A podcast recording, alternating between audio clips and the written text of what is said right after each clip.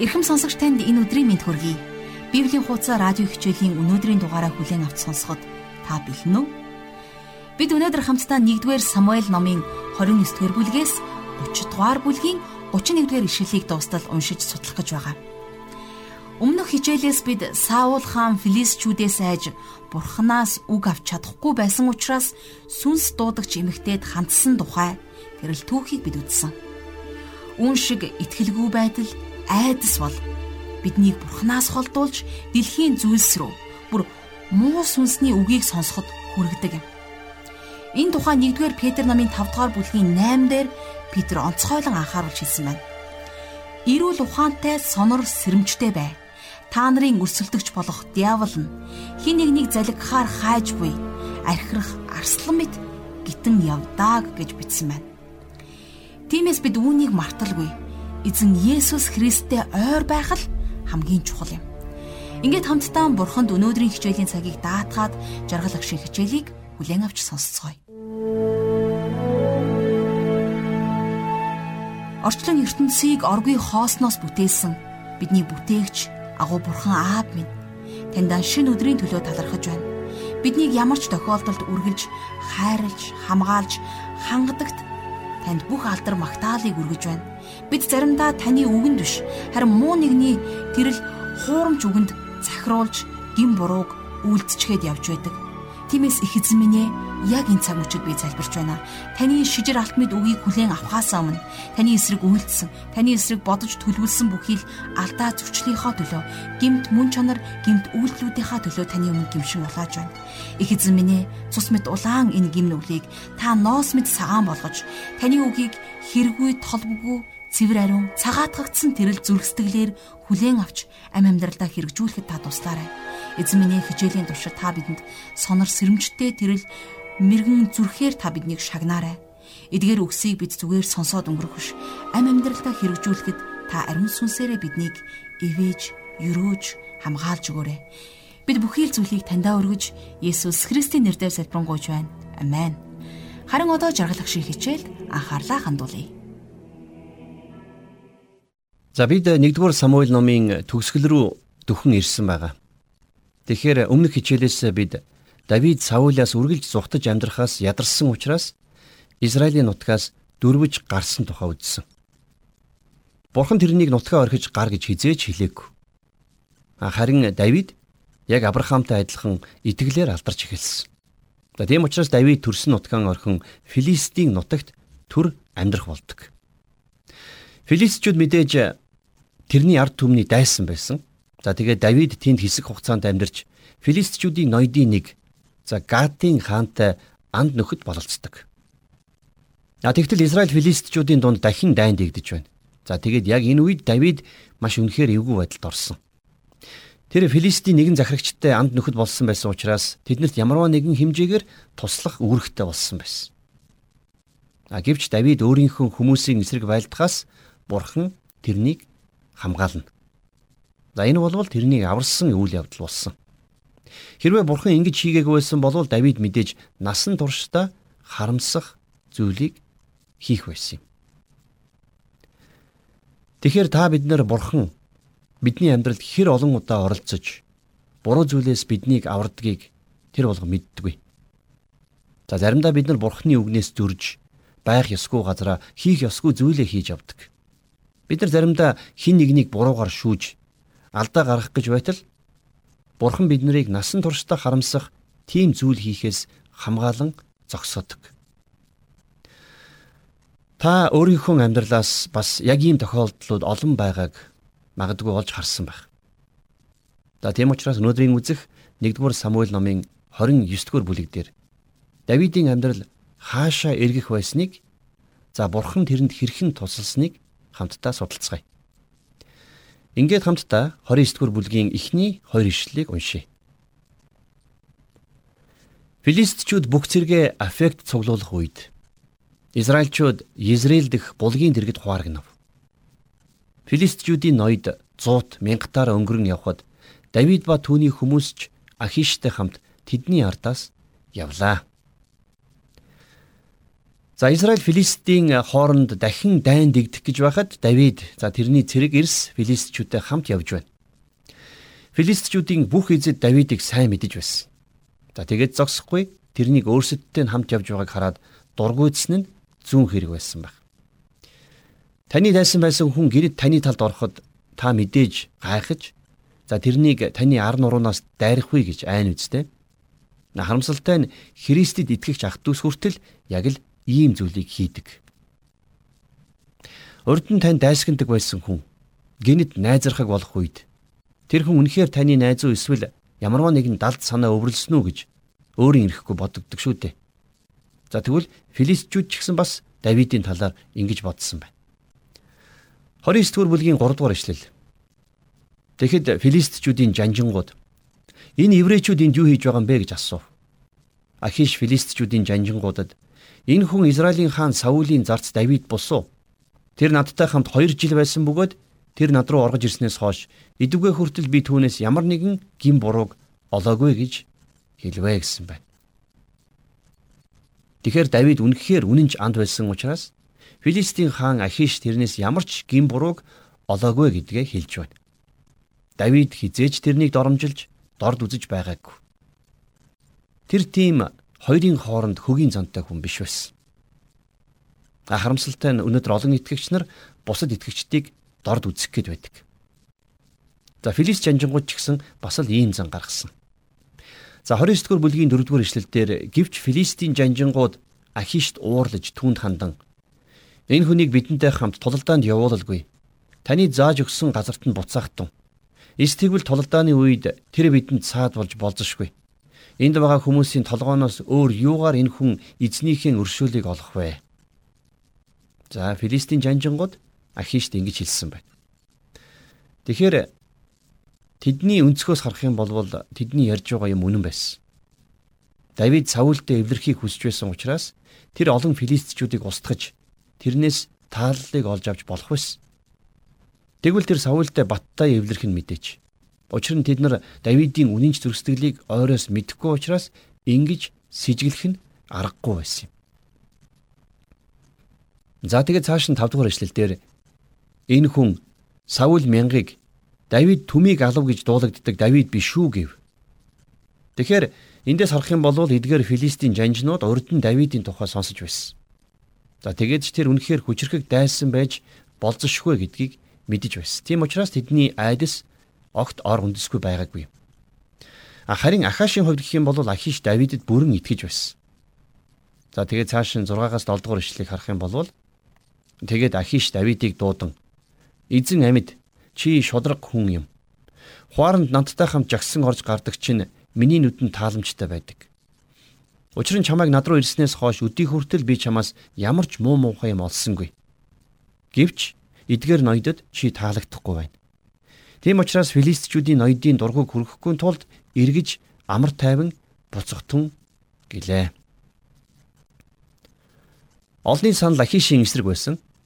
Ахиш Давидэд бүрэн итгэж байсан ч гэсэн бусд нь Давидтай явахыг хүсэхгүй байсан. За тийм учраас тэд нарыг амар тайван байлгахын тулд Ахиш Давидыг буцан явахыг хүсэж байна. Тэгэхээр энэ шийдвэрийн ард бол Бурхны оролцоо байсан. Ингэснээр бурхан Давидыг өөрийн ард түмний эсрэг тулалдахаас нь хамгаалсан. За 8 дугаар эшлэлдэр Давид Ахишт Гэвч би юу үлдсэн юм бэ? Таны өмнө ирсэн өдрөөс хойш өдий хүртэл таны зарц би ямар алдаа гаргаснаас болж эзэн хааныхаа дайснуудтай тулалдахаар явж болохгүй билээ гэж асуув. За энэ үед Саул Давидын дайсан байсан хэдий ч тэрээр хизээч өөрийнхөө хүмүүсийн эсрэг тулалдахгүй байсан. Гэхдээ Давид итгэл алдран төрсөн нутгаан орхиж гарахдаа бас бурхны хүслээс гарсан байсан. Энэ нь тэрний амьдралд гим нүгэл орж ирэх замыг нээдэг. Тэгэхээр өнөөдөр бурхны хүүхэд болсон хүн бурхны хүслээс гарахдаа авралаа алдахгүй боловч заавал асуудал дундгийн тод жишээ болвол Давид байсан. Бурхны хүслээс гарсан яг энэнтэй адилхан нэгэн түүхийг би тантай хуваалцъя. За бурханд итгэдэг нэгэн залуу бурхны хүслээс гадуур амьдарч тэр үедээ итгэгч биш эмэгтэйтэй гэр бүл болсон байна. За тэгээд тэр өдрөөс хойш тэрний амьдрал жинхэнэ там болон хувирсан. Тэгээд тэр залуу номлогч дээр ирээд би гэрлэлтэд салгамаар байна гэж хэлсэн байна. Харин номлогч тэрэнд хариулахдаа чи төвчээртэй бай. Харин тэр эмэгтэй өөрөө салыг гэвэл түүнийг явуул. Чи бурхны хүслээс гарах үед чамд ийм зүйл тохиолджээ гэж тайлбарлан хэлсэн байна. Бурхны хүүхэд бурхны хүслээс гадуур явхдаа авралаа алдахгүй боловч хийхгүй байвал дээр байсан зүйлсийг заавал хийдэг. Бурхны хүслийн гадна алхах үедээ хүн заавал асуудалд ордог. За тэгвэл Давид энэ үед Бурхны хүслээс гарч үнэхээр аимшигтэй зүйл хийх гэж байсан ч Бурхан тэрэнд тусалсан. За 11-р ишлээс хамтдаа уншийе. Инхүү Давид болон түүний хүмүүс өглөө нь филистичүүдийн газарт буцахаар эртлэн босов филистичүүд Израиль руу явлаа. За Израиль гэж энэ газар болвол хойд талд оршдог байсан. Тэгэхээр Библиэлд Армагедны сүлийн тулалдаан энд болно гэж бичсэн байдаг. Харин өнөөдөр энэ газар дээр маш үржил шимтэй газар тариалангийн хөндөй байгаа. За тэгэхээр филистичүүд Израилийг чиглэн явж харин Давид болон түүний эрс гэрлүүгээ за Филистийн Зиклаг руу явсан байна. А гэхдээ тэд нарыг сайн зүйлс угтан авахгүйг бид дараа дараагийн үйл явдлуудаас харах болно. Юу вэ гэхээр Давид цэрэг эрстэйгээ тулдаанд оролцохоор явсан үед өмнө зүгийн дайснууд болох Амелекчүүд Филистийн нутаг руу дайрч Зиглагийг устгасан байдаг. Тэгэхээр Зиглаг нь Филистийн өмнөд хэсэгт оршдог байсан газар нутаг. За ингээд хамтдаа энэхүү үйл явдлуудыг цааш нь үргэлжлүүлээд 1-р Самуэль номын 30 дугаар бүлгийг дэлгэцгээе. За 30 дугаар бүлгийн 1-ээс 3 дугаар ишлэлдэр Давид ба түүний хүмүүсийг 3 хоногийн дараа Зиглагт буцаж ирэхэд Амалекчүүд Негев хийгээд Зиглаг руу довтлон тонож Зиглагийг цохиж галдан шатаасан байжээ. Тэд эмэгтэйчүүд ба тэнд байсан бүхнийг жижигч бай, томч бай бүх хүний нэгийг нь ч алалгүйгээр олзлон авч өөрийн нутаг руугаа явсан байлаа. Давид хүмүүстэйгээ хотод орж ирэв хотыг галдан шатааж ихнэр хүүхдүүд огтыг нь олзлоод явсныг тэд үзлээ. Давид бас түүний 600 эрсийн нөхцөл байдлыг та нэг төсөөлөд үзээрэй. Тэд нар тулалдааны талбараас гэр орон болсон хот руугаа ихнэр хүүхдүүдтэйгээ уулзахаар эргэж ирсэн. Гэтэл орон гэр нь хоосон галдан шатаагдсан байна. Давид бас тэрний хүмүүс үнэхээр ихээр уурлаж бухимддаг. Мэдээж ихнэр хүүхдүүдэд алдсан хүмүүс ямар л байв гэж. Тэгээд тэд ихнэр хүүхдүүдэд үгсэн гэж бодсон байна. За 30 дугаар бүлгийн 4-өөс 5 дугаар эшлэлдэр Тэгэхэд Давид болон түүнтэй хамт байсан хүмүүс дуугаа өндөрсгөн уйлахч тэнхээгүй болтлоо цурхран уйлв. Давидын хоёр ихнэр болох Израиль эмэгтэй Ахином мөн Набалын ихнэр байсан Кармел эмэгтэй Абигейл нарыг ч олзлон явсан байлаа. За энэ бол Давид тохиолдсон маш том ууй гашуу байсан юм. Алдагдсан хүмүүсийн дотор тэрний хайртай эхнэр Абигейл байсан. Тэгэхээр та санаж байгаа бах Абигейл урд нь Мунхаг гэдэг нэртэй маш баян хүний эхнэр байсан шүү дээ. За тэгээд тэр Мунхаг баян Набал нас барсны дараагаар Давид Абигейлийг эхнэрээ болгон авсан. Тэр эмэгтэй бол Давидэд ивэл болж чадсан цорын ганц эмэгтэй байсан юм. За 30 дугаар бүлгийн 6 дугаар ишлэлийг хамтдаа үргэлжлүүлэн харъя. Түүнээс гадна ард олон бүгд өөр өөрсдийн хөвгүүд октийнхоо төлөө сэтгэл гашуудснаас болж Давид руу чулуу шидэж алхахаар ярилцаж байсан учраас Давид ихэд шаналв. Гэвч Давид өөрийн бурхан эзнэр өөрийгөө зоригжуулав. За Давид зөвхөн хайртай хүмүүсээ алдсандаа биш. За бас тэрнийг өөрийнх нь хүмүүс чулуугаар шидэж алах гэж байсан учраас ихэд шаналсан байна. Давид бол удирдан манлайлагч байсан. Хүмүүс тэрнийг Зиклагийг орхиж филистичүүдтэй хамт явсанд нь буруутгаж байна. Тэгэхээр Давид маш том алдаа гаргасан байгаа биз? Ихэнх хүмүүс Давидыг Голиатыг алсан хончин хүүгийн дүрээр нь хардаг. За бас тэрний Батшибатай гим нүгэл үлдэн завхаарсан тухай сандаг хэрнээ Давид биднэртэй адилхан жирийн хүн байсан шүү гэдгийг бараг ойлгон сандгүй. Тэр яг л жирийн хүмүүс бидний адилаар маш их алдаа гаргасан. Тэр филистичүүдийн дунд амьдрахаар шийдэхдээ амьдралынхаа баг хамгийн том алдаа гаргасан байхаа гэж хэлж болно. Харин одоо тэрний цэрэг ирсүүд Давидыг чулуугаар шидэж алхахад ч бэлэн байна. Яагад гэхлээр ард олон бүгд өөр өөрсдийн хөвгүүд октынхон төлөө сэтгэл гашуудж байсан. Тэд нар эхнэрүүдийнхээ төлөө гашуудсан гэж хэлээгүй байгааг та анзаарсан уу? Учир нь тэд эхнэрүүдээ алуулсан баг. Харин хөвгүүд огт нь амьд байгаа баха гэж таамаглан бодсон. Давид яг энэ үед үнэхээр дээшээ тэнгэр хол, доошоо газар хаттуу тийм нөхцөл байдалд орсон байна. Гэхдээ тэр ч гэсэн өөрийнхөө хайртай хүмүүсийг алдсан байсан. Гэтэл тэрний хүмүүс энэ бүх зовлонг даалгүй Давидэд бүх бурууг өгч тэрнийг харин одоо алахыг завдаж байна. Агивч саяын уншсан ишлэлдэр Давид өөрийн бурхан эзнэр өөрийгөө зоригжуулав гэсэн өгүүлбэр байна. За энэ үг бол хамгийн гайхалтай үгс байна. Бидний амьдралд мэдээж ямар ч баяр хөөргүй үеуд маш олон тохиолддог. За бид нар бас Давид шиг харанхуй үеигч туулан гарна. За тэгэд ийм үед тухайн нөхцөл байдлыг харахад найдваргүй юм шиг санагдаж болох юм. Бид нар тэр үед яах ёстой вэ? Урам хугарах уу? Бууж өгөх үү? За ингээд бүх зүйл дууслаа гэж хэлэх үү? Хэрвээ бид нар бурхны хүүхдүүд мөн л юм бол эзэн дотор өөрсдийгөө хүчрхэгжүүлж чаддаг байх ёстой. Яг л ийм үед бид нар бурхан руу эргэх хэрэгтэй. Заримдаа бидний эзэн биднийг түүн рүү эргэхээс өөр аргагүй байдалд ингэж оруулдаг. Тэр өөрийгөө биднэрт боддоор ийн харуулахыг хүсдэг юм. За тийм ч учраас Давид энэ үедээ хамгийн гайхалтай дуулуудаа бичсэн байдаг. Зовлон бэрхшээл учрах үед та дуулал номыг нээгээд Давид эзэн дотор өөрийгөө хэрхэн зоригжуулж байсныг харан уншиж бясалгаарай. Тэр нилээд хэдэн удаа эзэн бол сайн. Эзний аврагдсан хүмүүс үүнийг хэлэх болтугай гэж өгүүлсэн байна. Тэгэхээр энэ үнэн болохыг Давид өөрийнхөө амьдралдаа харж амсаж туулсан юм. За цааш нь үргэлжлүүлээ 7 дугаар ишлэл дээр. Дараа нь Давид Ахимелехийн хөвгүүн тахилж Абиатарт хандан эфод авч ирэхтэн гэж гуйсанд Абиатар Давидад эфодыг авчирч өгөв. За эфод гэх чинь зүйл болвол та сайн мэднэ. Тэрүүн тахилчийн өмсгөл байсан. За эфодыг залбирал хийхдээ тэрүүн тахилч хүн өмсдөг байсан юм. Тэгэхээр энэ нь энгийн тахилчид биш харин зөвхөн тэрүүн тахилчийн өмсгөл байсан гэсэн үг. За тэгээд зогсохгүй энийг залбирлын алтан ширээний өмнө эрэхтэй өмсдөг байсан. За энэ өмсгөлийн хоёр мөрөн дээр нь чулуу шигтгээд Чулуун дээр нь Израилийн 12 аймгийн нэрийг сийлсэн байсан. За нэг мөрөн дээр нь 6, за нөгөө мөрөн дээр нь 6 нэрсэн. За өөрөөр хэлэх юм бол тэрүүн тахилч Израилийг төлөөлөн залбирлын ширээний өмнө ирдэг байсан гэсэн үг.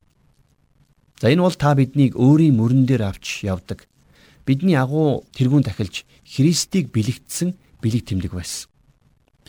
Тэр алдагдсан хоны тухай сургаалт үлгэрийг ярьж байсныг та санаж байгаа бах. Тэр хонио олоод түүнийгээ мөрөн дээрээ тавьж авчирсан гэж ярьдаг.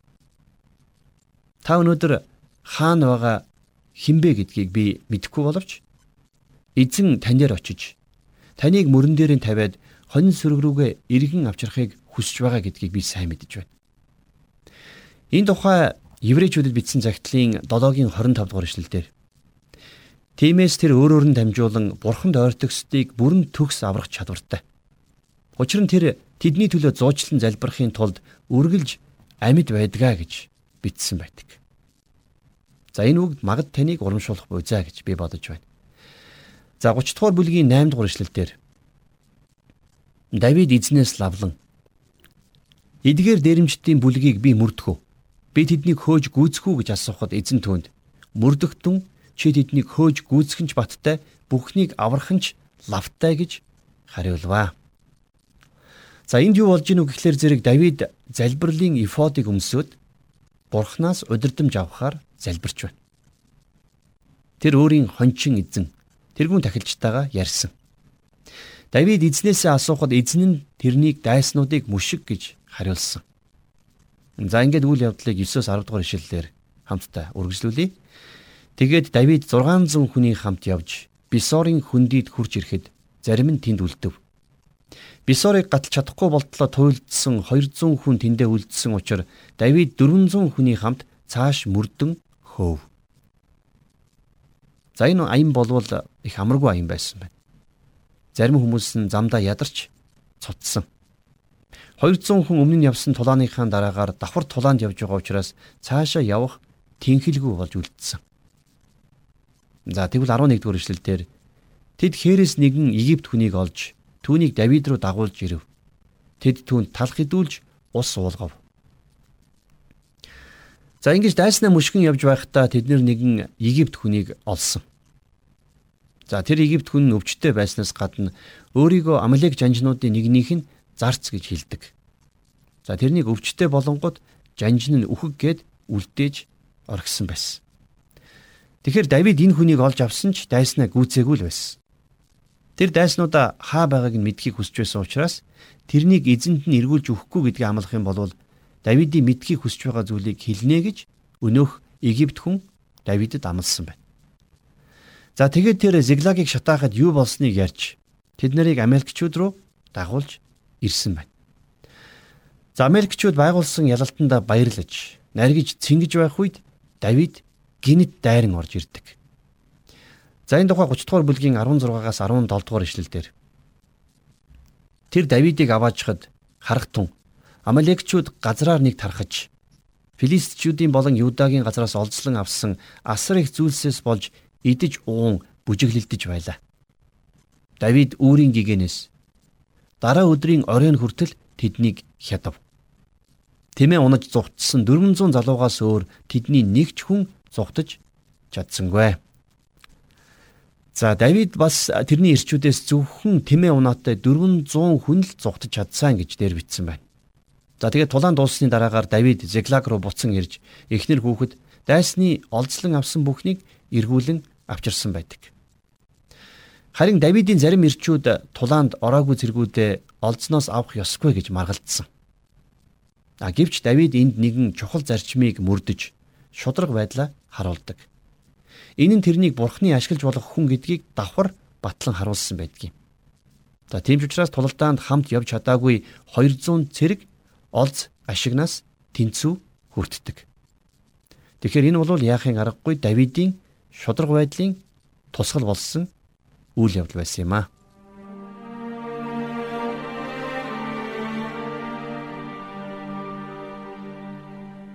Тэгэхээр Давидын буруу шийдвэр гомоо үйлдэлээс болж ард олонх нь гэр бүлийг олцолсон байлаа. Үүнд гашуудсан түүний хүмүүс Давидыг чулуугаар шидэж алахыг үнэхээр хүсч өгсөн хуйлдж байсан. Давид ч гэсэн энэ үеэр өөрийнхөө гэр бүлийг алдсан. Ямар хэцүү болохыг та төсөөлөд үзээрэй. Түүний гэр бүлийнх нь байхгүй гэтэл түүнтэй хамт байсан хүмүүс түүнийг алхаар хуйлдж байна. Гэхдээ Давид бүгдийг зөндөнд орхилгүйгээр энэ хэцүү энэ ээдрээтэй үед ч гэсэн эзэн дотор өөрийгөө зоригжуулж чадсан юм. Тэр ганцаардж үл ойлгогдож байсан ч гэсэн эзнийг хамгийн дотныхон анд нөхрөө болгож чадсан. Тийм ч учраас Давид хаан дуулал номын 18 дугаар бүлгийн 1-ээс 2 дугаар ишлэлд нэгэн гайхамшигтай магтааг өргөсөн байна. Миний хүч болох эзэн би танд хайртай. Эзэн бол миний хад, миний цайз, миний аврагч, миний бурхан, миний хорогддог хад минь миний бамбай, миний авралын ивэр, миний бэхлэл гимаа гэж дуулсан юм. Хинч аз жаргалтай амар тайван үедээ ийхүү дуулж чадна. Харин яг энэ цаг мөчид хамтдаа тунгаан бодцгоё. Давидын туулсан ам амьдралыг бас өнөөдрийн Библийн хуудасаар хичээлээр үтсэн эдгээр үгсүүдийг санаад бодцгоё.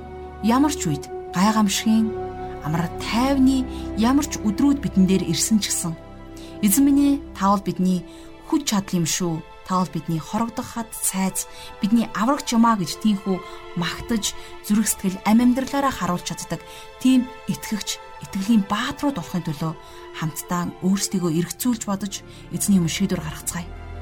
Өнөөдрийн хичээл бидэнд хизээч эзний дотор байж өөрийгөө зоригжуулж амьдрахыг заалаа. Тиймээс өдөр цаг мөч хорон тутамд гим нүглээ эсэргүүцэж харин бурхантай хамт алхвал ямар вэ? Энэ асуултыг таны оюун бодолд өргөөд өнөөдөр хичээлээ энэ хүрээд өндөрлөе. Харин та сурсан зүйлийнхаа төлөө бурханд талархаж мөн хуваалцах найз нөхдийн төлөө эзэнд хандан залбираарай. Бидний хайртай бурхан аав минь таньда талархаж байна. Харанхуу дундах гим нүглийн шийтгэлээс та биднийг аварсанд их эзэн минь танд бүх алдар магтаалыг өргөе. Та харанхуйн дундах хүч минь болдог үлээ. Та өнөөдөр бидний сүнсийг зоригжуулж та бид бүгдэд хүч чадлыг дүүргэж өгөөрэй. Эзэн минь гим нүглээс холуур ариун амьдралаар амьдрахад та бидэнд туслаарай. Таны хайртай хүү бидний цорын ганц итгэл найдвар болсон Есүс Христийн нэрээр бүхнийг даатхан залбирanгуйж байна. Амен.